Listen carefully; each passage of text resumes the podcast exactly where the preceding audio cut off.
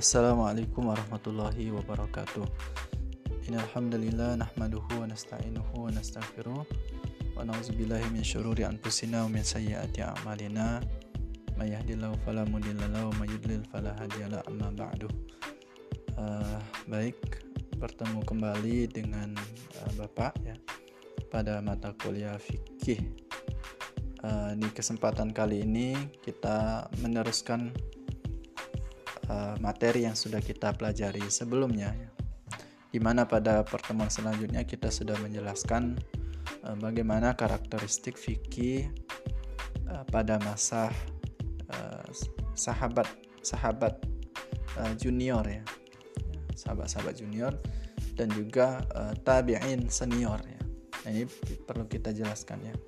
Jadi sahabat itu adalah orang-orang yang beriman yang eh, sempat bertemu dengan Nabi Shallallahu Alaihi Wasallam. Sementara tabiin adalah orang-orang yang beriman dan uh, ketemu dengan sahabat Nabi.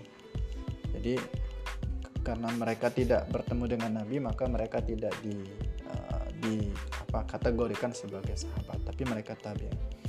Nah tabiin junior ini adalah tabiin yang uh, ya mungkin mereka masih kecil masih muda ketika uh, Nabi Shallallahu Alaihi Wasallam hidup. Nah, sementara uh, tabiin senior ini adalah orang-orang yang apa namanya tokoh-tokoh senior yang bertemu dengan sahabat-sahabat Nabi yang junior tadi. Ya, uh, kemarin sudah kita sampaikan bahwa uh, fikih pada masa itu adalah uh, apa namanya awal ya awal dari terbentuknya fikih di mana pada saat itu sudah muncul apa namanya corak fikih ya. Yaitu munculnya madrasatul hadis dan madrasat madrasatul ra'yi. Ya. uh, munculnya corak-corak pemikiran dalam fikih Islam di mana ada kelompok-kelompok sahabat dan juga tabiin yang lebih cenderung kepada sunnah. Sangat apa namanya berpegang teguh kepada sunnah. Ya, dan ini didominasi oleh ulama-ulama ataupun tokoh-tokoh sahabat dan tabiin yang uh, tinggal di di apa di Syam ya di Hijaz. Uh, karena memang sahabat uh, banyak yang tinggal di daerah di wilayah tersebut ya. Jadi sangat mudah untuk mendapatkan hadis. Ya, sangat mudah untuk mendapatkan penjelasan Nabi SAW terkait penjelasan-penjelasan hukum. Nah sementara madrasatul ro'i itu ya atau corak uh, yang keilmuan yang mengedepankan rasio, yang men uh, mengedepankan substansi dalam fikih, ini didominasi oleh ulama-ulama ataupun tokoh-tokoh yang berada di di Irak ya, di Kufa, di Baghdad dan uh, sekitarnya. Karena memang sahabat tidak banyak berada di situ sehingga hadis itu terbatas, terbatas. Maka para sahabat, para tokoh-tokoh tabi'in dalam merespon ya dalam menjelaskan hukum mereka apa namanya melihat kepada substansi hukum yang ada. Misalnya ada penjelasan hukum terkait eh, apa namanya zakat ya misalnya. Maka mereka akan melihat sebetulnya zakat ini substansinya adalah untuk membantu orang miskin. Maka dalam melaksanakan zakat ya, walaupun misalnya misalnya kita contohkan zakat fitri ya zakat fitrah. Ulama-ulama Iran seperti Imam Abu Hanifah melihat substansi. Jadi eh, zakat fitrah itu boleh dibayarkan dengan uang. Walaupun Nabi SAW itu misalnya selama hidupnya tidak pernah berzakat kecuali dengan eh, makanan pokok ya, kurma, gandum dan seterusnya. Tapi eh, apa namanya kecenderungan ya ulama-ulama di di Irak itu mereka uh, apa melihat hukum itu dari sisi substansinya intinya. Maka karena uh, zakat fitrah itu tujuannya adalah untuk memenuhi kecukupan orang-orang miskin ketika hari raya maka itu juga bisa dilaksanakan dengan uang ya, dan seterusnya. Nah ini di, di, di fase awal ini kecenderungan seperti ini, ini sudah ada sudah muncul ya. Uh, ini karakteristiknya.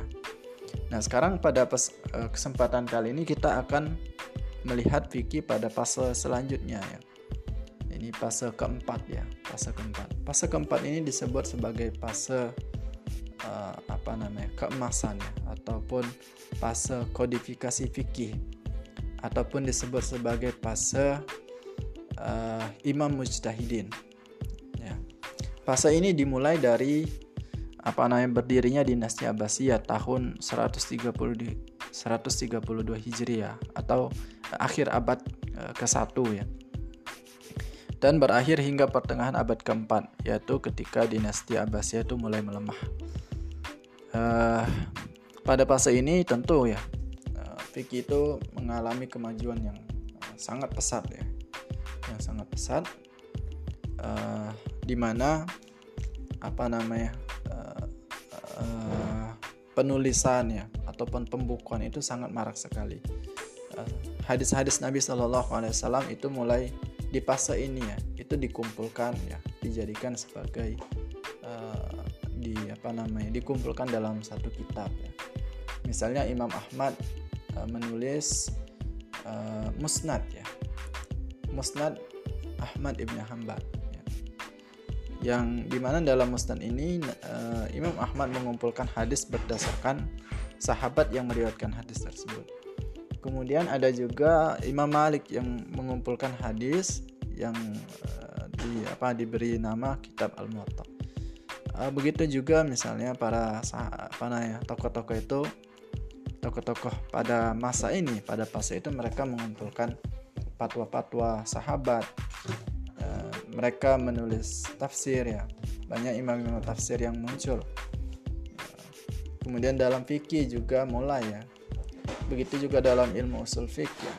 Al Imam Syafi'i menulis kitab uh, risalah ya risalah jadi uh, di fase di fase ke keempat ini fikih itu sangat ini adalah masa keemasan ya, masa keemasan fikih. Sekarang kita lihat ya, apa saja yang menjadi faktor ataupun uh, uh, sebab ya kenapa fikih sangat maju pada fase keempat ini atau kenapa fase ini disebut sebagai fase keemasan fikih. Yang pertama adalah perhatian khilafah Abbasiyah terhadap fikih dan fuqaha. Ya. Yang kedua adalah adanya kebebasan berpendapat. Ya, kemudian yang ketiga semaraknya debat dan perbincangan keilmuan. Ini nanti kita jelaskan satu-satu. Kemudian yang keempat banyaknya peristiwa dan kejadian baru. Yang kelima tampilnya non-Arab ya, dalam kancah keilmuan. Kemudian yang ketujuh masuknya filsafat dan budaya-budaya lain. Ketujuh maraknya kodifikasi ilmu-ilmu penterjemahan buku-buku dari Persia, Yunani dan India. Ya, setidaknya ini ya tujuh faktor yang menyebabkan fase ini disebut sebagai fase keemasan. Sekarang kita uraikan. Yang pertama adalah parte, uh, per, uh, faktornya adalah perhatian khilaf, khilafah Abbasiyah terhadap fikih dan fuqaha. Ya. Nah, bentuk perhatian khilafah Abbasiyah uh, terhadap fikih dan apa nama uh, fuqaha itu uh,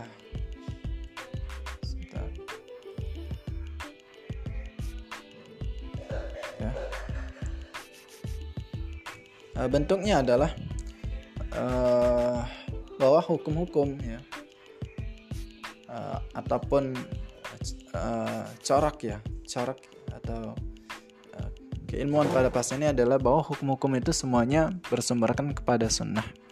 Maka semua apa namanya maka uh, semua hal yang berkaitan dengan administrasi perundangan ya uh, uh, peradilan ya itu semuanya uh, di, di, diatur berdasarkan hadis Nabi Sallallahu Alaihi Wasallam. Dia menjadi satu satu sistem ya, satu sistem yang dilaksanakan uh, dalam apa namanya tataran negara. Nah ini ini apa namanya ciri-cirinya ya, ciri dari apa namanya perhatian uh, para uh, khulafa Abbasiyah. Kemudian yang kedua apa namanya uh, para pemimpin Abbasiyah ini mereka memberikan perhatian yang sangat sangat apa namanya sangat besar ya terhadap sunnah sehingga pada pada masa ini uh, apa namanya uh, terjadi ya ataupun uh, terlaksana pengumpulan-pengumpulan hadis seperti Musnad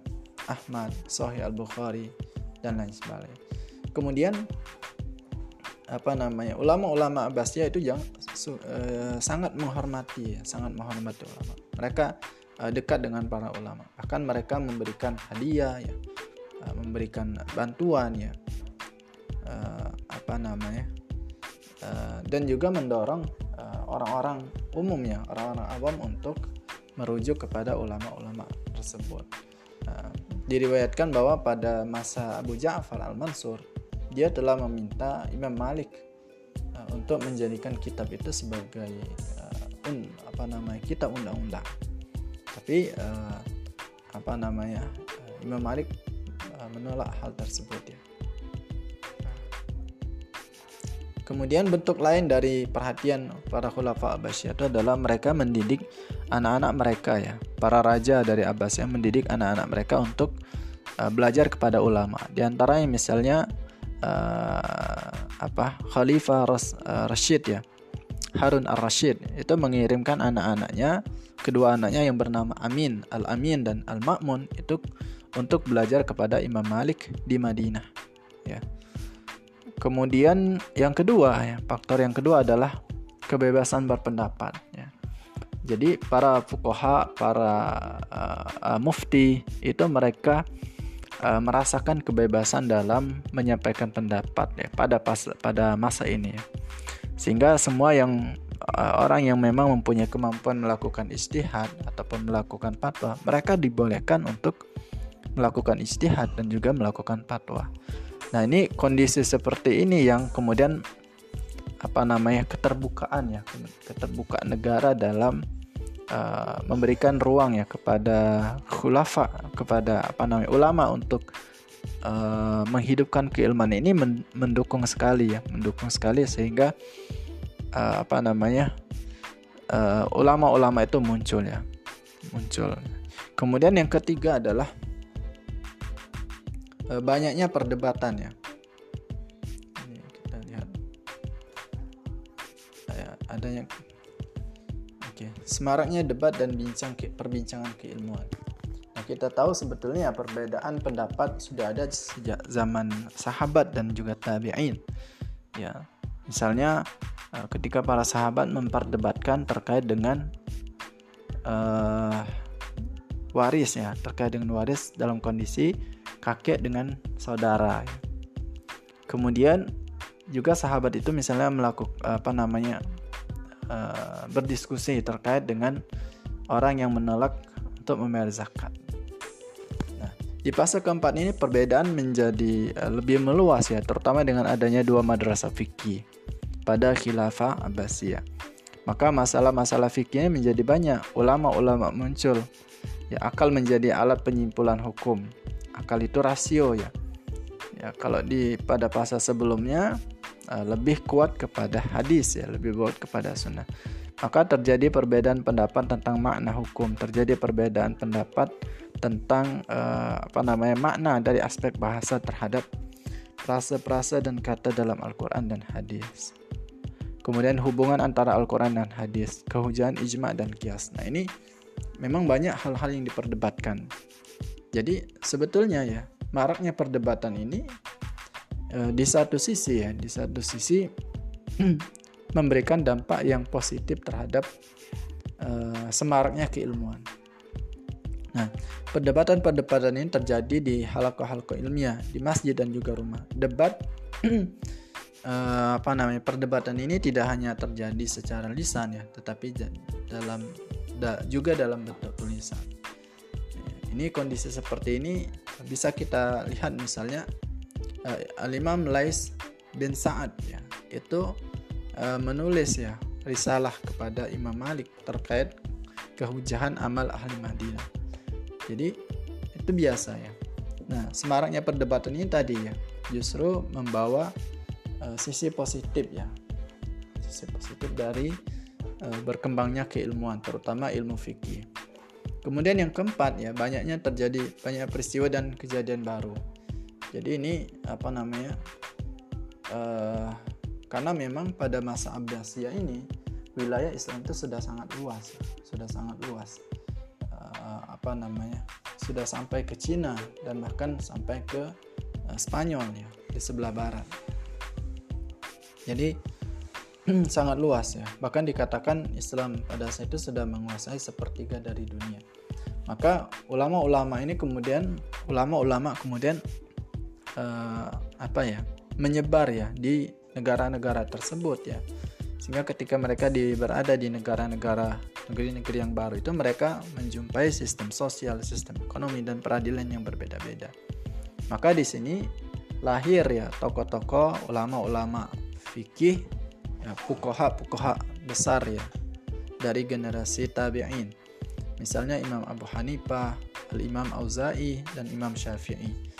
Nah, ini para ulama ini uh, mereka ya ketika menjumpai tradisi, adat, peradaban itu coba mencoba uh, mewarnai adat-adat tersebut dengan syariah, dengan nilai-nilai syariah. Ya.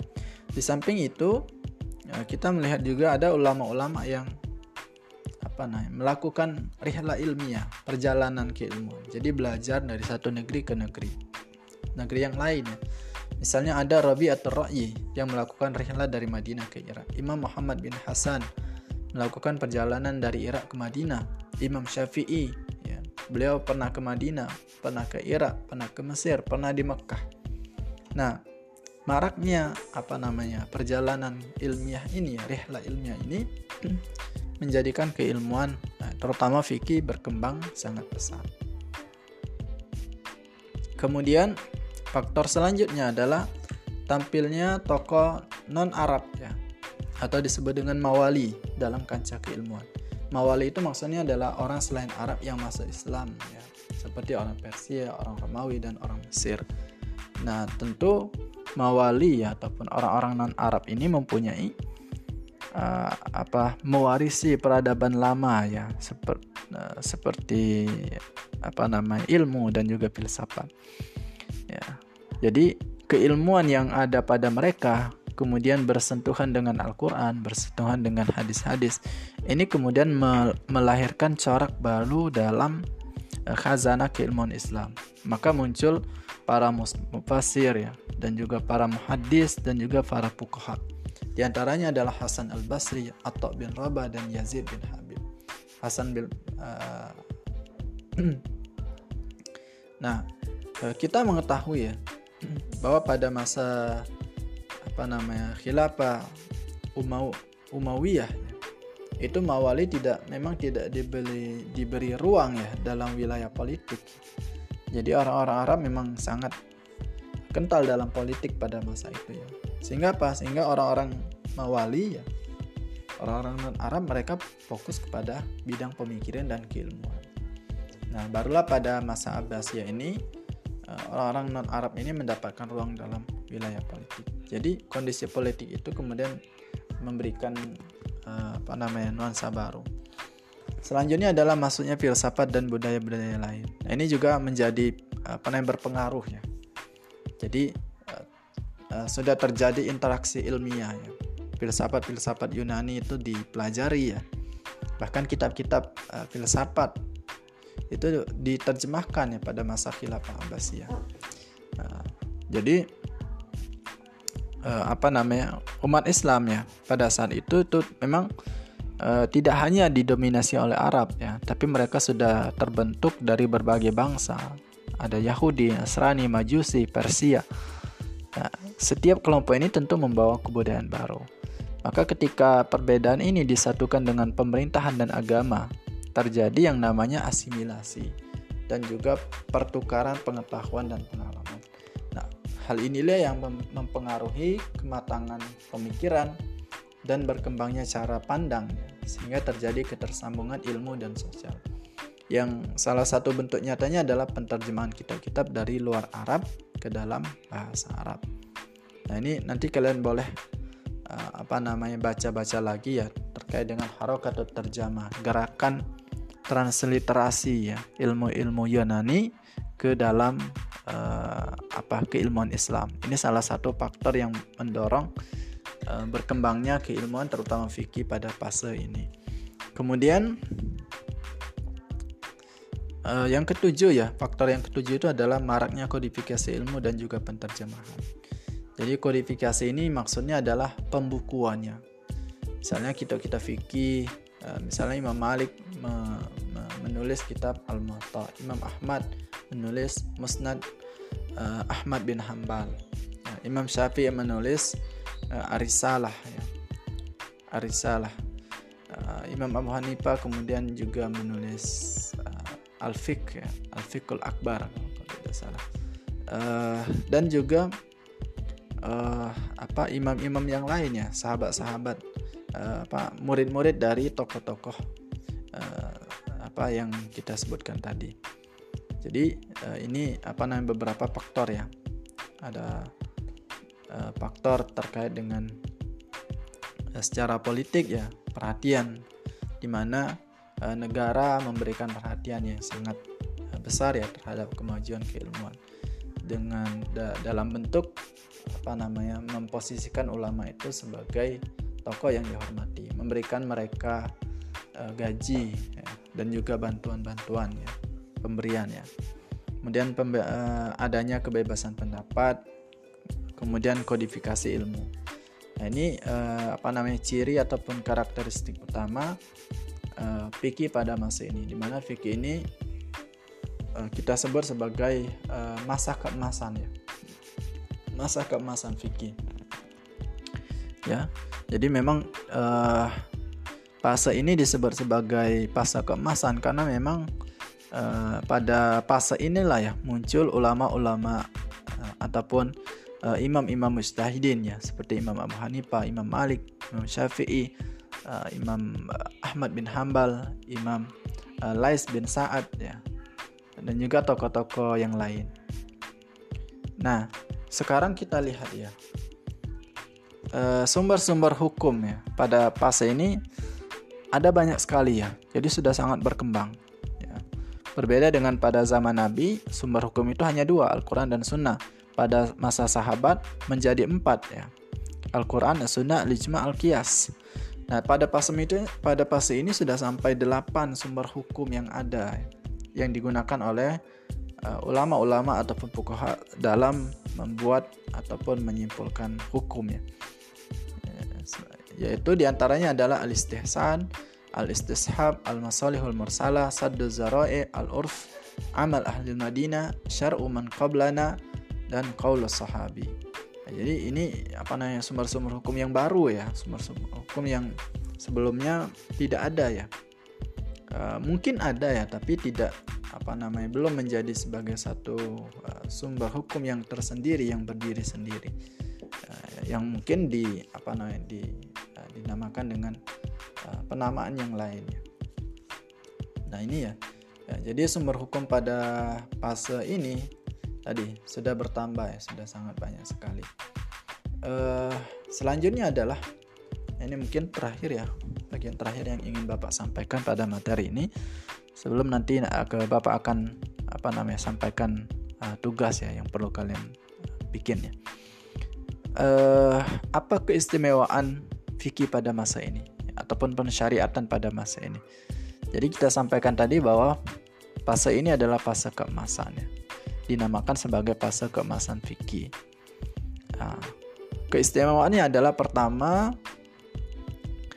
uh, fikih pada masa ini sudah apa namanya uh, sudah sampai kepada kematangannya ya atau kesempurnaannya uh, dalam artian uh, fikih itu sudah apa ya sudah uh, mengatur ya atau sudah menguasai seluruh uh, apa namanya pokok-pokok fikih itu sudah menyentuh semua uh, sisi kehidupannya uh, manusia kehidupan manusia. Baik uh, yang sifatnya keagamaan maupun sifatnya duniawi. Kemudian pada fase fase ini yang kedua adalah khususannya adalah munculnya tokoh-tokoh para fukoha. Ya, fukoha. Kemudian yang ketiga adalah nah ini pentingnya. bahwa pada fase ini uh, muncul ya munculnya mazhab-mazhab dalam fikih mazhab-mazhab dalam fikih. Pada fase ini setidaknya ada 13 uh, mazhab ahlus sunnah ya. Ada 13 mazhab al sunnah. Kalau kita mungkin mengetahui ada empat mazhab fikih sebetulnya dulu ya sampai 13 mazhab nah itu belum termasuk uh, apa namanya uh, mazhab-mazhab yang lain ya. Yang terkenal memang empat ya, mazhab Abi mazhab Abu Hanifah, Malik, Syafi'i dan Ahmad bin Hambal. Nah, ini belum termasuk misalnya mazhab-mazhab fikih Syiah, mazhab-mazhab fikih uh, apa fikih Khawarij dan lain sebagainya. Kemudian yang ketiga, yang keempat perbedaan pendapat ini apa namanya menjadi sangat ketara ya pada masa ini. Uh, ya karena tadi perbedaan pen, uh, ulama memang berbeda pendapat terkait dengan sumber hukum ya, terkait dengan berhujah dengan sumber-sumber hukum. Misalnya uh, sumber hukum amal ahli Madinah ini dipakai oleh Imam Abu Malik dalam menetapkan hukum. Tapi ulama yang lain tidak tidak apa tidak uh, berbeda pandangan ya. Termasuk perbedaan pendapat terkait dengan ijma dan juga kias ya. Jadi perbedaan pendapat ini ya pasti melahirkan perbedaan uh, perbedaan pandangan ya terkait apakah hal-hal ini bisa dijadikan sumber hukum tentu melahirkan perbedaan terhadap produk hukumnya ya, ya. kemudian yang kelima uh, ciri ya atau karakteristik fikih pada masa ini adalah bahwa pemerintahan ya pada saat itu sudah mempunyai apa namanya uh, kecenderungan mazhab tertentu ya uh, baik dalam masalah peradilan ya. ya jadi memang fikih apa namanya uh, dinasti Abbasiyah ataupun kekhilafan Abbasiyah ini memang secara fikihnya cenderung kepada mazhab Imam Abu Hanifah ya. Imam Abu Hanifah. Uh, tapi pada masa yang sama di apa namanya di negeri-negeri Maghrib ya di negeri-negeri Barat seperti Andalusia itu yang di yang mendominasi adalah mazhab fikih Malik fikih Maliki.